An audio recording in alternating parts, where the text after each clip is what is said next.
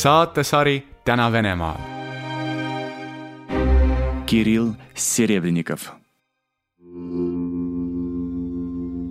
Te ju teate, et Venemaa on läbi aegade olnud tuntud andekate inimeste poolest.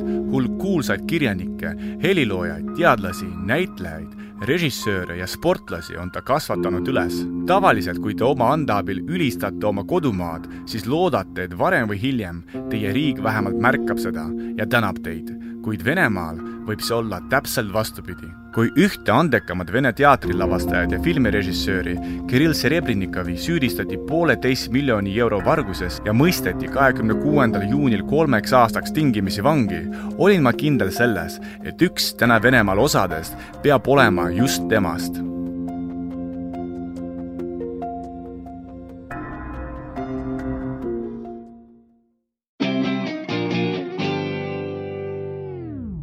valmistusin selleks saateks ja otsisin Srebrenikovi kohta infot, mõtiskledes selle üle, kuidas alustada seda saadet ja millele see peaks rohkem olema pühendatud, kas tema loomingule või tema kohtukeisile. selle ettevalmistustöö käigus tabas mind ootamatu vaimne enesepuhastus, mida inimesed nimetavad katarsiseks. juhtus see, mida ma arvan, loodab iga kunstilooja, kes viib pealtvaatajad kokku oma loominguga. minu peas nagu tekiks uus dimensioon aga sellest räägin natuke hiljem. minu jaoks on Kirill Serebrennikov eelkõige tuntud filmirežissöörina, kes on teinud mitu mõjukat filmi. tema filmikontol ei ole väga palju täismeetreid, ainult kuus, kuid nende ees on ta saanud kokku üksteist auhinda, mille hulgas on Veneetsia filmifestivali peaauhind filmi eest reetmine, kuuekümne üheksanda Cannes'i filmifestivali Francois Chalet preemia filmi eest õpilane ja seitsmekümne esimese Cannes'i filmifestivali auhind parima soundtrack'i eest filmile Suvi mind isiklikult puudutas kõige rohkem film Õpilane, milles räägitakse kooliõpilasest, kes muutub religioosseks fanaatikuks ja hakkab elama otseses mõttes piibli järgi. see film demonstreerib väga selgelt, kuidas üks inimkonna tähtsamatest raamatutest võib omandada mitte ainult loova, vaid ka hävitava jõu. soovitan igaühele kindlasti seda vaadata. А Господь говорит, не думайте, что я пришел принести на землю мир. Не мир пришел я принести, но меч. Потому я объявляю войну безнравственности. Kuid paljude jaoks on Serebrennikov kuulus eelkõige kui tänapäevase kunsti esindaja, kui ooperite, ballettide ja etenduste lavastaja, kui teatrimeister ja pedagoog. meister, nii nimetavad teatrikooli õpilased oma juhti, see on umbes nagu klassijuhataja. ja just sellest tema küljest ei teadnud ma varem eriti palju. minu peas hakkasid kohe tekkima küsimused, aga mida üldse kujutab endast tänapäevane kunst kas ma saan sellest õigesti aru ja kas ma üldse suudan kirjutada midagi huvitavat sellel teemal?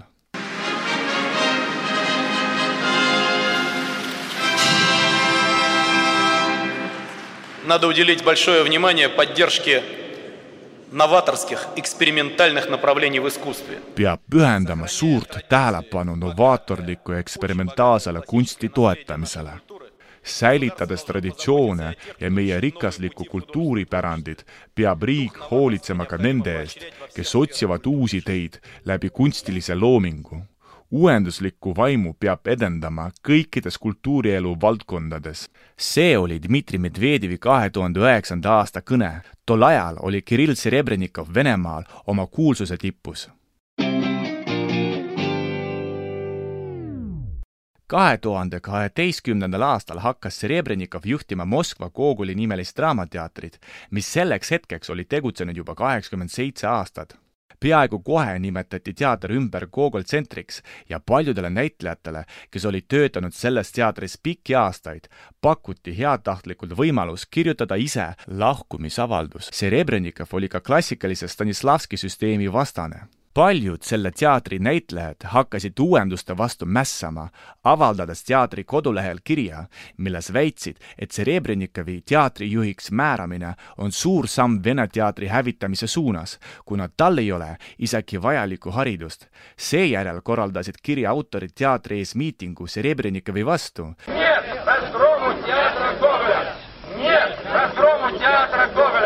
Kuid miski ei aitanud. teater sai juriidiliselt uue nime ja selleks, et uuendused jõuaksid kaugemale kui ainult paberile, võeti maha kõik senised lavastused ning teatris algas remont paljad punasest telliskivist seinad, DSP, neoontuled, need olid uue Gogol tsentri minimalistlikud reeglid. teatri endiste külastajate jaoks tundusid need aga pigem lõpetamata remondireeglitena. mõnevõrra sarnaneb see kõik meie loomelinnakuga Telliskivis.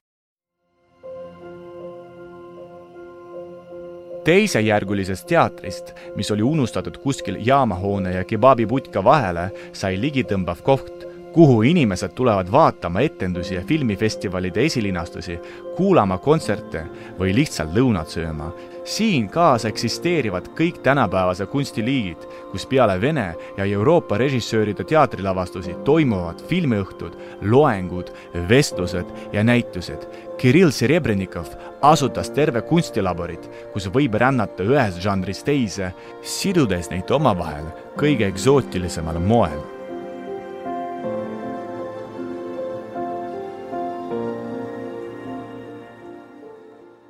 kuid ikkagi, see ei andnud mulle veel vastust küsimusele, milles peidub tänapäevase kunsti jõud ja kas selline üldse eksisteerib, sest igale inimesele see tänapäevane kunst ei meeldigi kui keegi täna tegeleb mingisuguse kaasaegse loominguga, näiteks joonistab või pildistab, õmbleb riideid või kirjutab muusikat ja kui see kõik on vähesele arusaadav, siis see keegi võib alati niisugust vastuvõttu selgitada fraasiga, et see on elitaarne kunst. ta ei ole kõikide jaoks, isegi siis, kui kõik saavad ju aru, et see lihtsalt ei ole piisavalt hea, võrreldes päriselt tõsisel tasemel tehtud kunstiga vastuseid küsimusele, milles peidub kaasaegse kunsti maagia, hakkasin leidma siis, kui kuulasin läbi Serebrenikovi tudengite lugusid sellest, kuidas on töötada koos nende õppejõuga. ma sain teada, et Serebrenikov otsib juba varakult selliseid näitlejaid, kes omavad tugevaid individuaalsuse algeid, millele ta seejärel proovib lisada oma teadmisi ja kogemusi ta aitas tudengitel paremini mõista oma keha, oma mõtteid, oma meeleolusid. selle asemel, et kümme tundi päevas õppida näitlemiskunsti, õppisid nad, kuidas kirjutada muusikat, lugesid filosoofiat ja tantsisid. ma arvan, et just kõiges selles peidubki vastus küsimusele, mis asi on see kaasaegne kunst. ära tee niimoodi, nagu peab või kuidas sulle üteldi, vaid tee nii, nagu sa tunned ära kopeeri ja jäljenda, lihtsalt ole see, kes oled ja kõige tähtsam, ära karda olla see, kes sa oled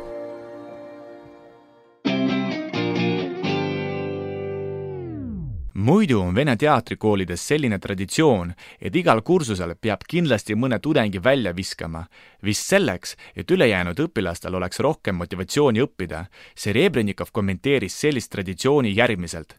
ma värban endale kursust selleks, et neid õpetada. miks ma pean vastu võtma inimesi, keda ma hiljem pean eksmatrikuleerima?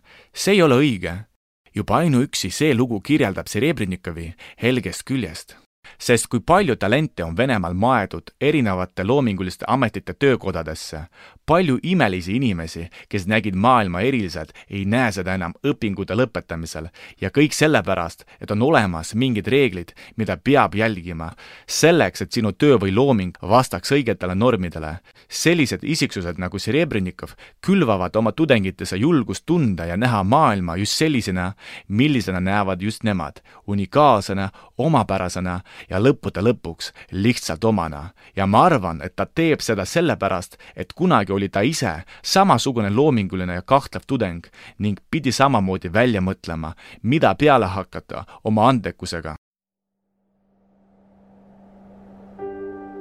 Kirill Serebrennikov sündis kaugel tuhande üheksasaja kuuekümne üheksandal aastal huvitava nimega linnas Rostov-Doni ääres. noore Kirilli kohta saab ütelda, et ta oli kindlasti püüdlik õpilane, sest ta lõpetas kuldmedaliga keskkooli ja hiljem, juba tuhande üheksasaja üheksakümne teisel aastal lõpetas ta punase diplomiga füüsikateaduskonna Rostovi riiklikus ülikoolis. see fakt, et Serebrennikov astus just füüsikateaduskonda, mitte teatrikooli, annab mulle julgust arvata, arvata, et tollel ajal ei olnud noor režissöör veel kindel, millist teed mööda hakkab ta oma elus minema. kas mööda usaldusväärset teed, mis tähendab, et sa lõpetad täppisteaduste alal ülikooli ja töötad edasi juba õpitud ametis, saades kindlat palka või valid teise tee, usaldades oma sisetunnet, tegeledes loominguga, eeldates, et see looming on sinu sees päriselt olemas tahaks välja tuua selle fakti, et noor Serebrennikov astus ülikooli ühes riigis ja lõpetas seda juba teises. kommunismi asemele tekkis kapitalism, mille tõttu sündis nõudlus uute ametite vastu, näiteks selliste nagu muusikavideote ja reklaamiklippide režissöörid ja operaatorid. seetõttu juba tuhande üheksasaja üheksakümne esimesest aastast, et mitte raisata aega, sebib Serebrennikov endale töökohta televisioonis ja seitsme aastaga sünnib tema käe all üksteist muusikavideot, videot, kaks dokumentaalfilmi, neli telelavastust ja umbes sada reklaamivideot. Lõpuks omandab kooli ja ülikooli aegade lavastuskogemus uue tähenduse.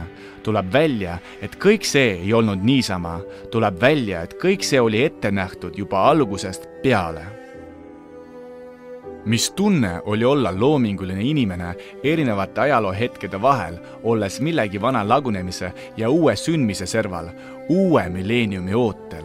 Millest mõtles ja mille üle muretses Kirill Serebrennikov sellel hetkel, mis kahtlusi ta endas kandis, seda ma ei tea, aga kindlasti küsin, kui selline võimalus mul tekib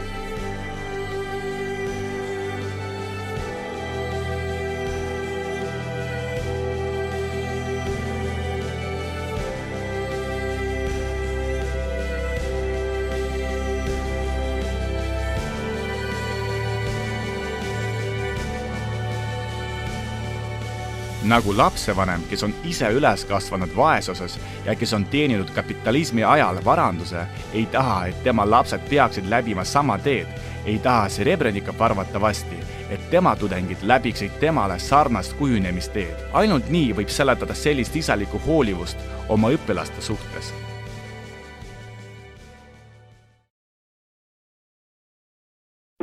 milles süüdistati Kirill Serebrenikovi?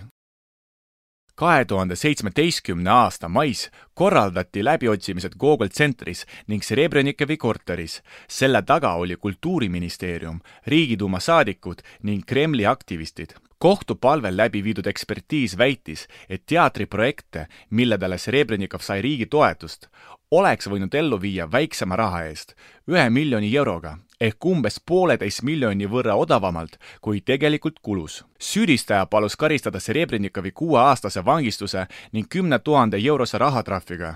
kuid sõltumatu ekspertiis, mis oli korraldatud aasta varem, oli tõestanud, et Serebrenikovi kunsti populariseerimise projektid nõudsid isegi rohkem raha kui Kultuuriministeeriumi poolt eraldatud toetus Serebrennikov ise teatas, et kui ta tahaks teenida või varastada suurt raha, siis ta valiks endale töö mõnes muus valdkonnas, näiteks energeetikasektoris. Serebrenikovi olid valmis kaitsma nelisada tunnistajat, nende seas näitlejad, muusikud, režissöörid ja teised tema loominguliste projektides osalenud inimesed. kõik need, kes olid võtnud osa tema poolt korraldatud kolmesaja neljakümnest üritusest. samuti viiekümne viie teatrijuhid ja näitlejad, teatrikriitikute assotsiatsioon, isegi Nobeli ja Oscari preemiate võitjad korraldasid kampaaniad Serebrenikovi toetuseks.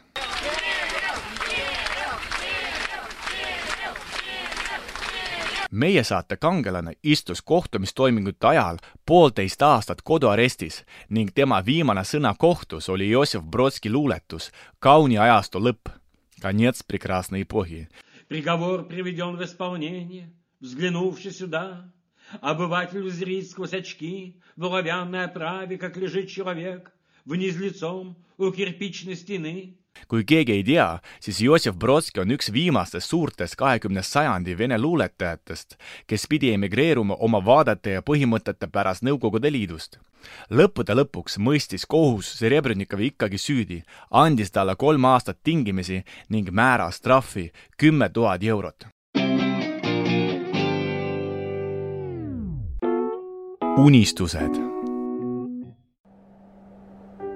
Serebrennikov on inspireeriv näide sellest, kuidas inimene, sõltumata raskustest ja muutustest enda elus, jääb truuks oma unistusele. sest kui palju inimesi teab meie maailm, kes valivad mitte oma, vaid kellegi teise tee, üteldes endale, et varsti-varsti hakkan tegelema sellega, mis on mulle alati kõige rohkem meeldinud, kuid kes lõpuks ei leia aega ega julgust alustada oma tegeliku kirega tegelemist. mitmed meist elavad igapäevaselt päris mugavad ja rahakad, ent samas tühja elu oma nii-öelda tähtsate probleemide ja muredega.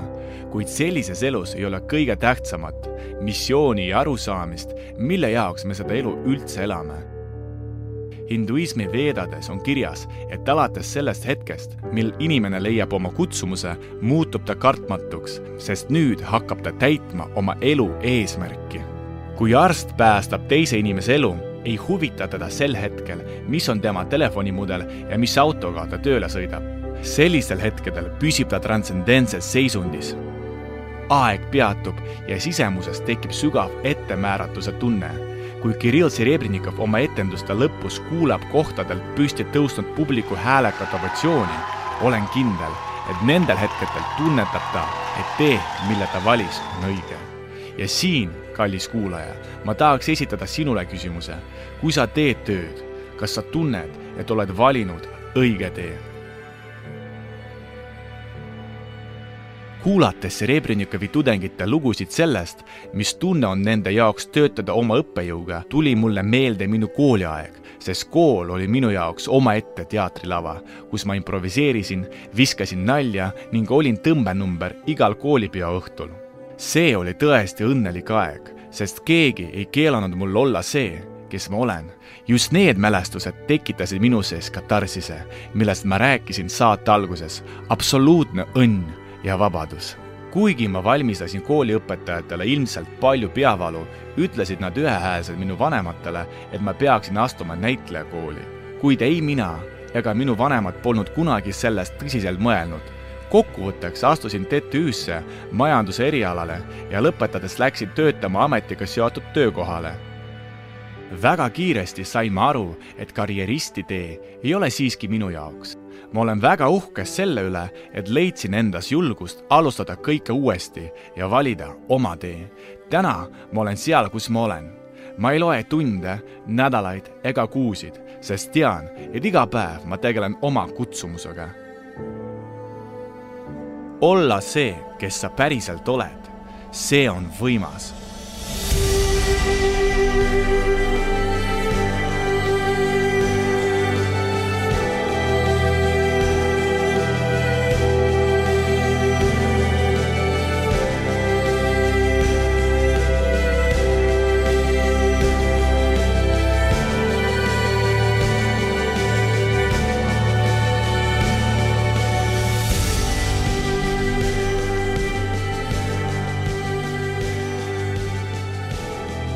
see oli saade Täna Venemaal. Saadet tegi Georgi Abalõmov ja nagu alati, saate lõpus hea muusika Venemaalt. I speak black black. До встречи!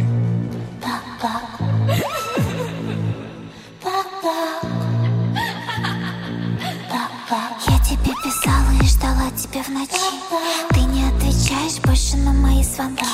Каждый вечер оставляю под подушкой зуб Умоляю небеса назад тебя вернуть Я была хорошей, а плохой я не была